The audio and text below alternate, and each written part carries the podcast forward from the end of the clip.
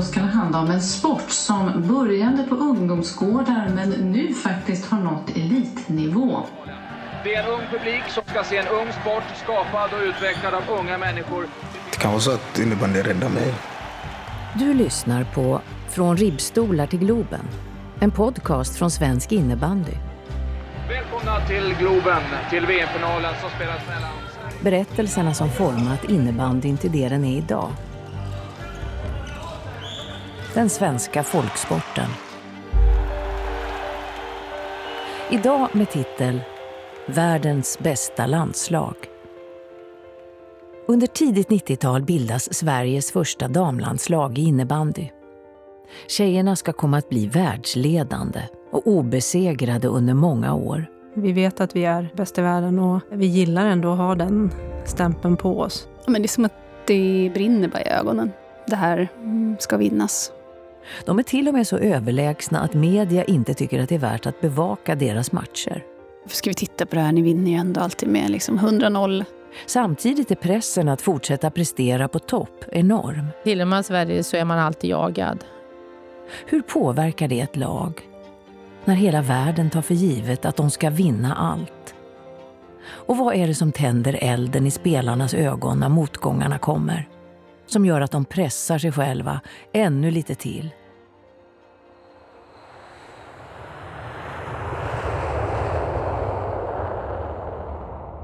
Det är 2005 och damernas innebandy-VM går av stapeln i Singapore. Under ledning av Kristina Langgren och Åsa Karlsson har det segervissa damlandslaget tagit sig ner till värmen för att hämta hem ännu ett guld. Sverige rör sig friktionsfritt genom gruppspelet och är snart klara för semifinal. Tränaren Landgren får i en intervju med Sportbladet frågan vad hon önskar sig mest just nu.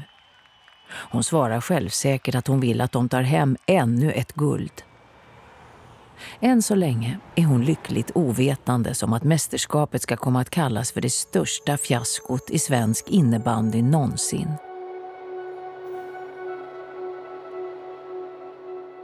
Men innan vi tar reda på varför ska vi förflytta oss bakåt i tiden. Hela vägen till 80-talet.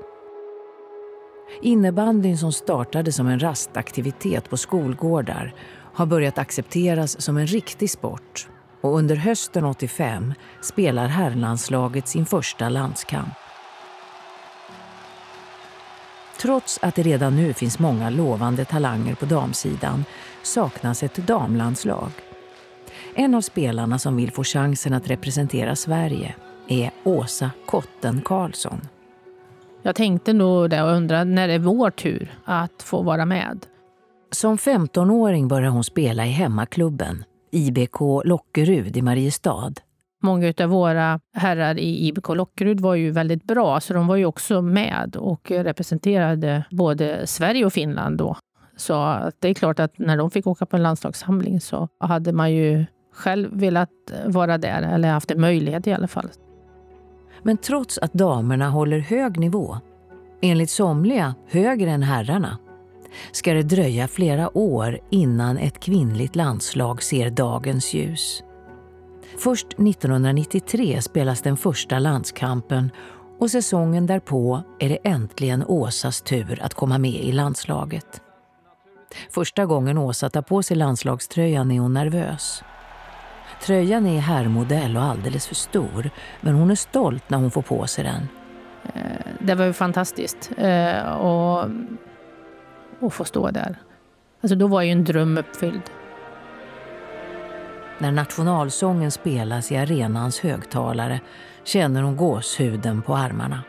Alltså jag hade ju det utstakat när jag började en gång att jag ska, något sätt och vis så ska jag nog försöka göra en landskamp i alla fall.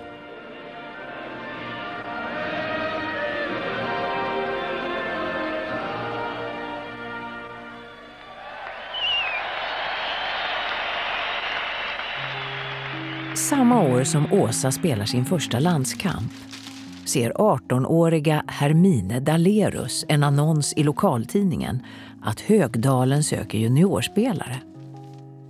Att hon hittills bara spelat innebandy på skolans grusplan ser hon inte som ett problem. Hon vill vara med. Jag ringde upp och hörde att de lät lite skeptiska eftersom jag inte spelade. Sådär. Men, ja, men kom och testa. Så jag åkte ner och testade, jag och en kompis. Och eh, ja, jag fick vara med i alla fall direkt. Och, och så. Och, eh, det var ju det roligaste jag hade gjort tror jag, i hela livet.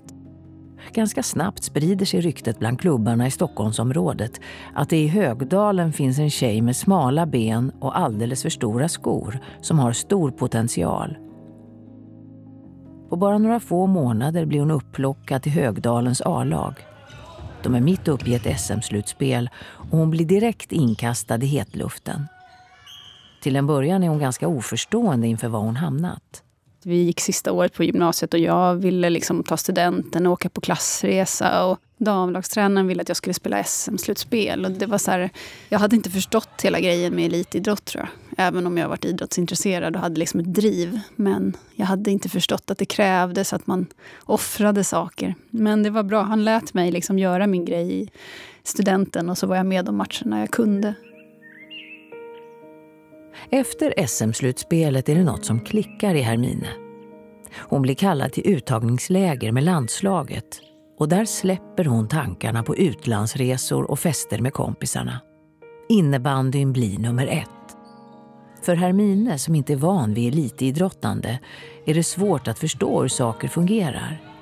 Jag visste ingenting. Jag fattade inte hur det funkade var man medlem i landslaget bara för att man blev kallad till första lägret? Det här var ju sånt som jag tänkte på. Men sen förstod jag ju att nej, utan man, man måste liksom spela in sig i landslaget om och om igen.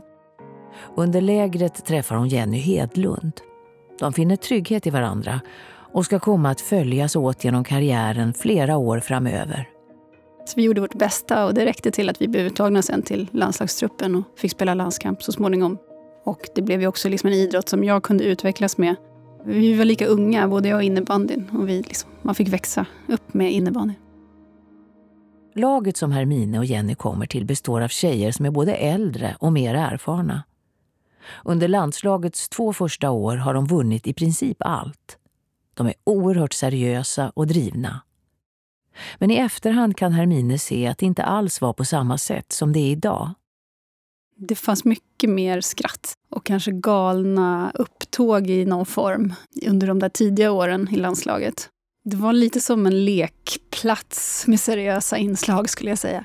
Vi kunde liksom gå in till landslagsläkaren och, och trasha hans rum. vi la ett uppstoppat rådjur i hans säng faktiskt. När vi var på något läger på någon herrgård jag hade aldrig upplevt att man var så mot varandra. Man kunde, den här äh, idrottsmentaliteten där man, där man är lite sådär, man skämtar med varandra på ett annat sätt. Som både är läskig och rolig. Eh, samtidigt som man vet att de här personerna tar hand om mig om det behövs. Välkomna till Globen, till VM-finalen. Det blir 1996. Sverige anordnar världens första världsmästerskap i innebandy och de svenska herrarna tar hem guldet.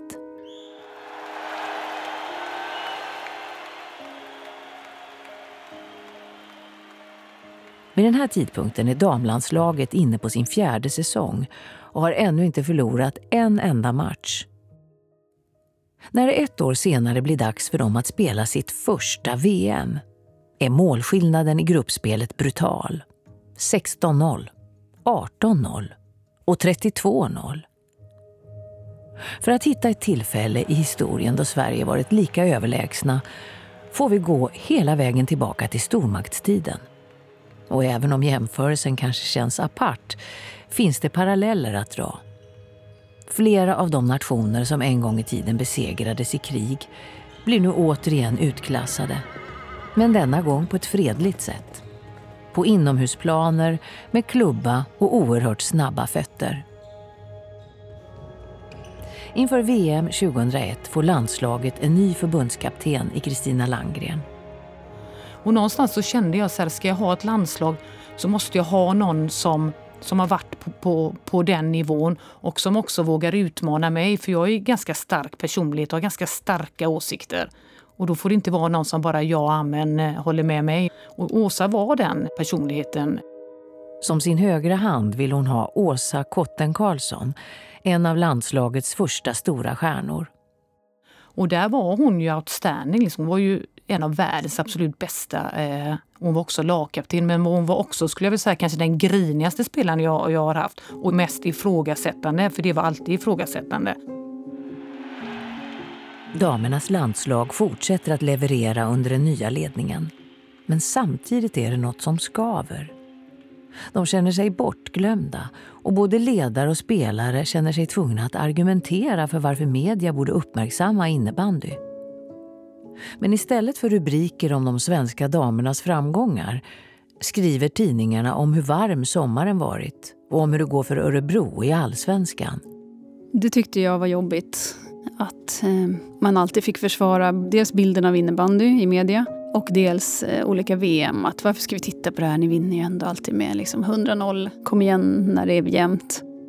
Samtidigt som innebandyn fortsätter fighta som en plats i medias rampljus finns från annat håll en oerhörd press på Sverige att alltid leverera. På något sätt och vis i innebandyns värld så, så spelar det ingen roll. För tillhör man Sverige så är man alltid jagad, oavsett vilken position man har just då. Det är ändå någonting som har varit med i landslaget hela tiden från början. Att Sverige ska alltid vara bäst och även om vi vinner med 30-0 så ska vi alltid göra vårt bästa för att inte liksom... Vi har ett ansvar att, att utbilda övriga länder också. Men säg den storhetstid som varar för evigt. Det svenska segertåget får ett plötsligt stopp. Och inför VM 2003 har landslaget två VM-förluster i ryggen. Båda gångerna är det Finland som besegrat dem. En trend som inte minst Kristina är angelägen att bryta. När, när VM avslutas eh, i Riga så kommer förbundsordförande fram till mig och Åsa på flygplatsen och ungefär ganska spänner väl ögonen i oss och säger att om två år då ska guldet hem till Sverige igen. Så det var liksom ganska glasklart vad vi hade för, för uppdrag. Ett uppdrag där då Finland hade varit regerande världsmästare två VM-turneringar bakåt. Så vi behövde liksom jobba hela det här, de här två åren på, på att försöka få alla tjejer att eh, jobba med självförtroende mot Finland, att det inte skulle vara ett spöke. Så att vi, vi satte ju igång och bara pumpade skapa i de här tjejerna självförtroende och lyckas ju till det. Så att när vi väl går in i VM-turneringen så känner vi att vi är väl röstade på att faktiskt nu kunna slå Finland. Om allting går som det ska så får man ju Finland i en final. Det är ju så som man sitter och, och kalkylerar lite grann med. I första gruppmatchen ställer Sverige upp mot Norge. Det ska inte vara några problem att vinna den här matchen men Norge håller emot och det är länge väldigt jämnt. Sju minuter in i tredje perioden får Astrid Björnebäck i det norska anfallet tag på bollen och skjuter utan att tveka in den i det svenska målet. Efter det kommer Sverige inte ikapp. Norge vinner med 1-2. Det är ett frustrerat lag som går av planen. Kristina Landgren är ursinnig. Men vad, fas, vad fasen hände här nu egentligen? Jag och Åsa, vi, vi, vi hatade ju verkligen på den tiden att förlora. Det var ju det värsta som fanns. Det är ju en väldigt stor motgång resultatmässigt.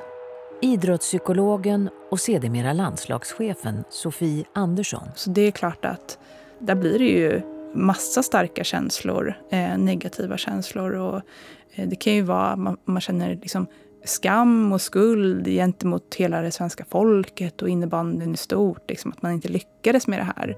Mot alla som har varit där och, och stöttat den och, och funnits till och hjälpt den på, de här, på vägen att komma dit. Det kan kännas tomt oftast efter ett sån, en sån stor satsning. Och allt det där är ju helt normalt. Så jag tycker att den här bryta ihop och komma igen, den är ganska... Det kan man faktiskt använda i det läget, för, för där behöver man få känna ja, men det, här, det här var jätte, jättejobbigt.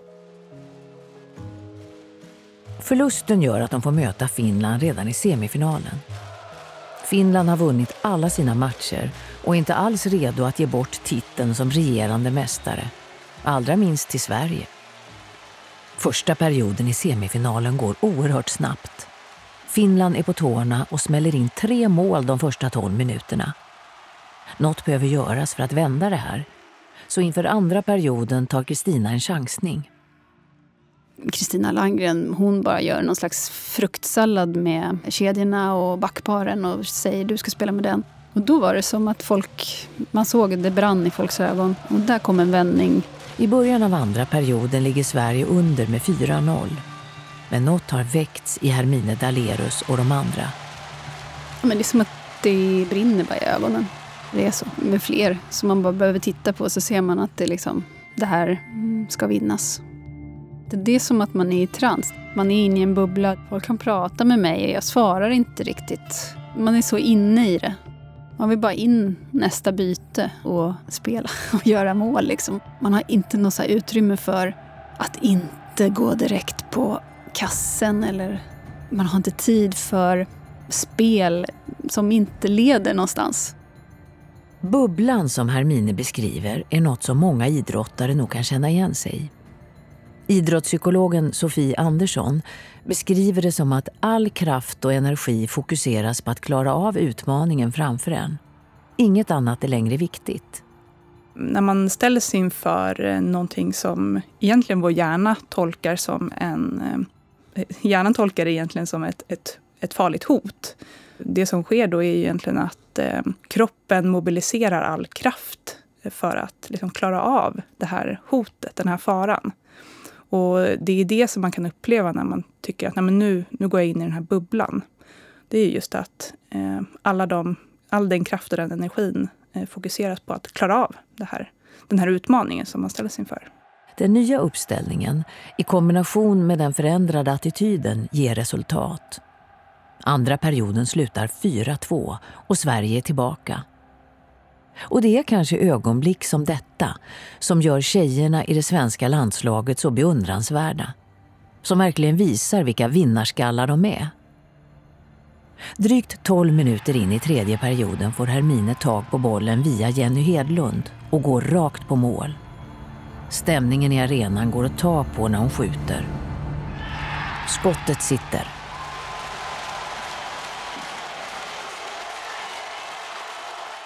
Och då kom ju den matchen till att kallas bragden i Bern där, för det var en sån enorm vändning som vi gjorde. Och då fanns det ju ingenting som kunde stoppa oss. Liksom. Sverige har återigen visat vad de går för. Att när det väl kommer till kritan så finns det en växel till. Men så kommer vi till tidpunkten där vi började den här historien. VM 2005 i Singapore.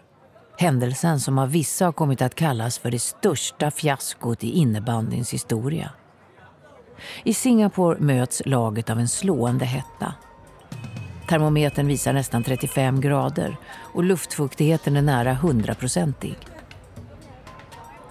Pressen på det svenska damlandslaget inför turneringen är stor. Hade vi ju vunnit ett VM, då förväntar ju sig alla att Sverige det finns inget annat än att ni ska försvara ert guld. Det var ju också någonting som erfarenheten blev då att ligga och försvara någonting är ju oftast svårare än att du ska jaga ikapp någonting för då jagar du ju motståndaren. Nu ska vi ta dem. Det är tufft att spela ett VM så långt hemifrån. Men truppen är redo och de vet vad som gäller. Guld. Det fanns liksom inte ens en tillstymmelse till det där att man väljer att, att rädslan kommer krypande. Utan det var bara att guldet kommer komma hem till Sverige igen och det är vi här, det är jag som sitter här som är med och gör detta. Hittills har turneringen gått som planerat och fortsätter det på samma spår kommer det vara Sverige mot Finland i finalen. Precis som man vill ha det. Men mästerskapet får plötsligt en oväntad vändning. Finland sjabblar bort sig mot Schweiz och svenskorna ställs återigen mot dem redan i semin.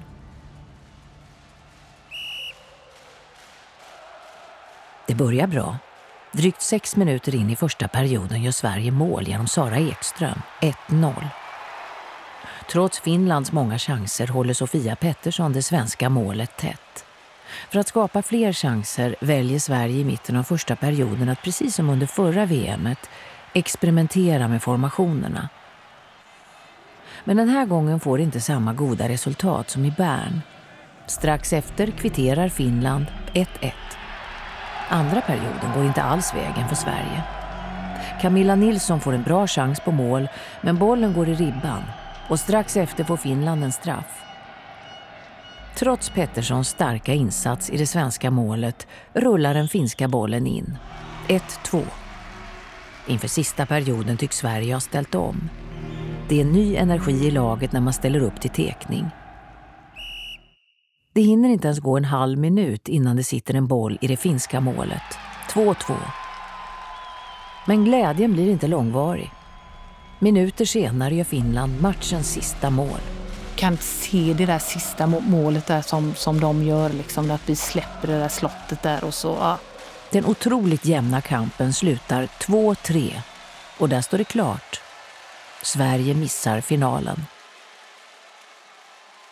Micke Fast kommer direkt ut på planen och man får mikrofonen under sig och, och han, säger väl så här, ja men Kristina hur, hur förklarar du det här? Det, det här är ett fiasko eller? Och man har ju bara lust att och, jag har inte lust att slå till honom för han är väldigt trevlig men, men just då pumpar ju bara adrenalinet. Liksom. Det här är, man inser ju liksom att jädrar, vi får inte ens spela den finalen som vi har eh, kommit för, för att göra. Utan vi har åkt ut och nu ska du hantera det. Och det är ju inte så att Finland skåpar ut oss, eh, vilket jag ibland kan bli lite irriterad när folk säger att vi förlorar, för det är ju hår, alltså det är ju jättetajt även i den matchen. Men att utvärdera förlusten finns det inte tid till. Laget behöver snabbt ställa om inför den stundande bronsmatchen. Fick ju kvällen på sig men sen så var det ju upp igen och fokusera på nästa match. Åsa Kotten Karlsson igen. Då blev det ju nya utmaningen där och verkligen eh, komma samman som lag och eh, bestämma sig för att eh, det är gjort. Det som hände tidigare det går inte att göra någonting åt utan då får vi försöka vinna sista matchen mot Norge och ta bronsmedaljen. Och ett brons blir det. Det råder ingen tvekan om att tjejerna är revanschsugna. De fullständigt dundrade igenom bronsmatchen som slutar 15-1 till Sverige. Under semifinalen i Singapore sitter 14-åriga Anna Wik hemma i Sandviken och följer matchen via tvn. Där och då kan hon inte ana att hon själv inom bara ett par år ska bli en av världens bästa kvinnliga innebandyspelare och spela en stor roll i landslaget. Några år senare börjar Anna på Riksidrottsgymnasiet i Umeå och där börjar satsningen mot toppen flyttade 50 mil hemifrån, mamma och pappa. Eh, det var väl egentligen då som min karriär tog fart på riktigt. Och jag, eh, från att ha varit en, en riktigt bra talang så lärde jag mig att älska att träna och jag fick kunskap om träning. Efter förlusten i Singapore börjar en ny era för det svenska damlandslaget. Flera av nationerna som länge legat långt efter Sverige har kommit ikapp och de är hungriga på guld. Åsa Karlsson inser att något behöver ändras. Så att eh, det var ju väckarklockor eh, så att vi behövde också börja titta på hur vi tränade och hur vi skulle kunna hålla stången helt enkelt och fightas och vinna det där VM-guldet. Man inser i ledningen att något behöver göras för att förhindra det svenska fallet.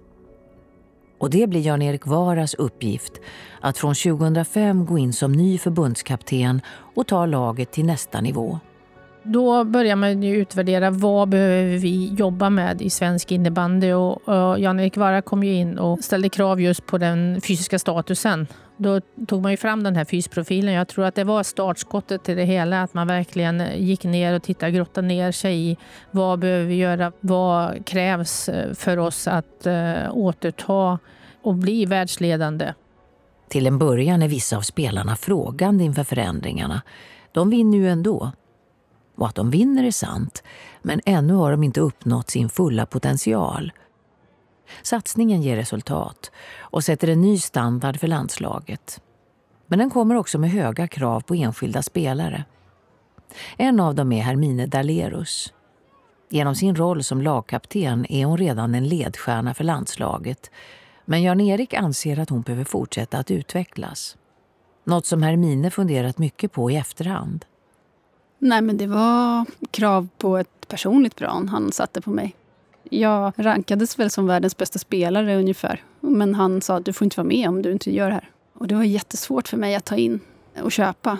Och jag kan fortfarande idag vara arg för att han gjorde det här mot mig. För det var jättejobbigt. Men parallellt med frustrationen menar Hermina att hon trots allt har en förståelse för Jan-Eriks sätt att leda truppen. Att han satte krav gjorde honom inte illa omtyckt. Där vill jag ändå liksom att vi tyckte om honom för att han satte krav. Men jag tror att det var jobbigt internt hos alla för att man var tvungen att utmana sig själv. Men han satte också en ny standard för svensk daminnebandy tycker jag. Som vi nu lever vidare på. VM 2005 i Singapore blir sista gången som damlandslaget åker hem utan ett guld. Så någonstans så hade han rätt. Men det var jäkligt jobbigt på vägen. Och någonstans där inleds en ny stormaktstid för laget. Vi stack ju iväg där någonstans 07 skulle jag säga i Sverige och blev liksom ännu bättre. Då hängde inte de övriga nationerna med och den vågen kunde ju vi rida på i Sverige flera år. Under ledning av Jan-Erik Vara tar landslaget guld i Fredrikshamn 2007. Vid den här tiden spelar Anna i U19-landslaget och det tar inte lång tid innan hon blir värvad till ett av Sveriges bästa lag, Iksu från Umeå. Anna Viks snabba resa framåt fångar uppmärksamheten hos förbundskapten Jan-Erik Vara och inför VM 2009 blir Anna uttagen till landslagstruppen. Det kom ju som en chock såklart, men det var en jättestor ära. Och jag är väl otroligt glad och tacksam över att jag fick en så pass stor roll som jag fick från, från början. Laget har guldet från VM i Fredrikshamn med sig. Men den framgången har gjort att pressen på att ta hem guld även nu är ännu högre. Men ytterligare en gång visar laget på en enorm psykisk styrka. Pressen rör dem inte i ryggen. De flyger genom gruppspelet som aldrig förr. I en av matcherna vinner de med en målskillnad på 26 mål. Med Anna Wik i spetsen är det nu en ny generation som tagit över stafettpinnen i det svenska damlandslaget. Vi vet att vi är världsledande, vi är bäst i världen och vi gillar ändå att ha den stämpeln på oss. Så att egentligen är det inga konstigheter utan vi vet att eh, gör vi det vi kan så, så vinner vi matcher och mästerskap. Eh, sen är det helt klart att de andra nationerna tar steg framåt hela tiden men det, det gör vi också. Det är det jag tycker är så häftigt med det svenska landslaget att vi är inte är nöjda utan vi, vi fortsätter att utvecklas.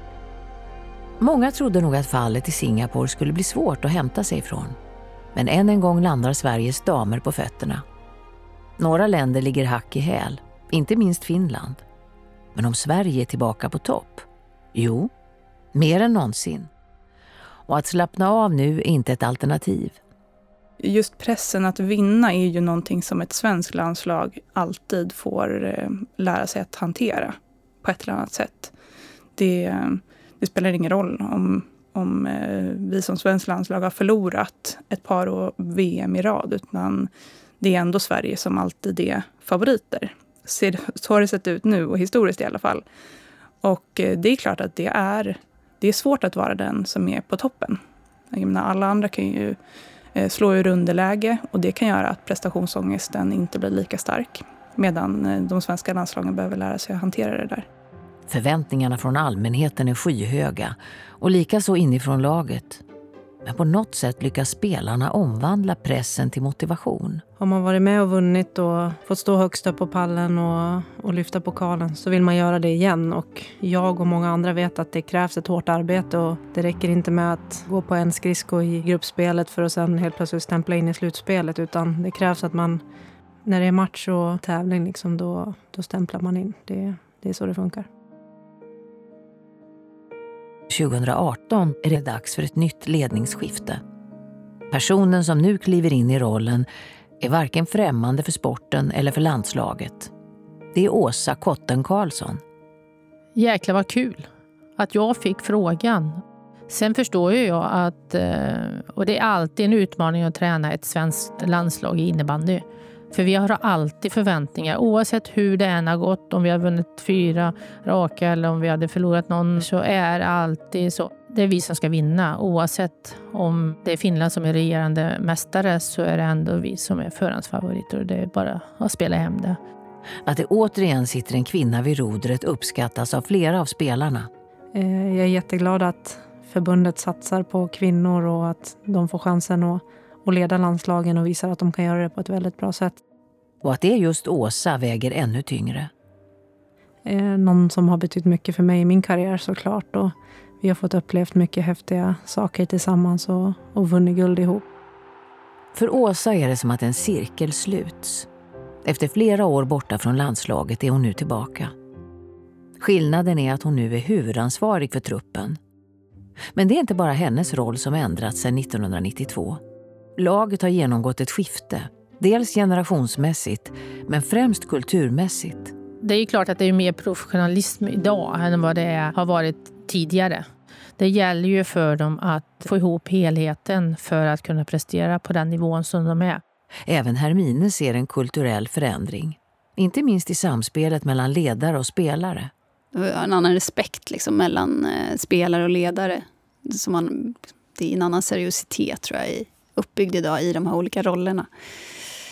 Jag tror inte att det händer idag liksom, att Moa Köpp går och lägger en uppstoppad hästhuvud i landslagsledningens säng. Det är tveksamt till att det funkar så idag. Det svenska damlandslagets resa har fram till idag kantats av enorma framgångar. Sedan den första landskampen 1993 har de vunnit 229 av 249 matcher. De har varit så överlägsna att ingen har förväntat sig något annat än vinst.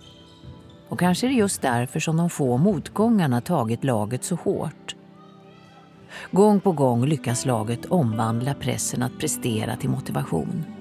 En motivation som gör att de istället för att ge upp när motgångarna kommer tänder elden inom sig. Mycket har ändrats sedan laget bildades. Innebandy har blivit accepterad som elitsport av både media och åskådare. Och en seriositet har tillkommit. Spelare har kommit och gått. Men en sak har inte ändrats sedan start. Och det är att det här är världens bästa landslag. Du har hört Svensk innebandys podcast Från ribbstolar till Globen om världens bästa landslag. Medverkade gjorde Åsa Karlsson, Kristina Langgren, Hermine Dalerus, Sofie Andersson, Anna Wik. Det här var en produktion av Post och ljudbang. Jag heter Marie Rickardsson.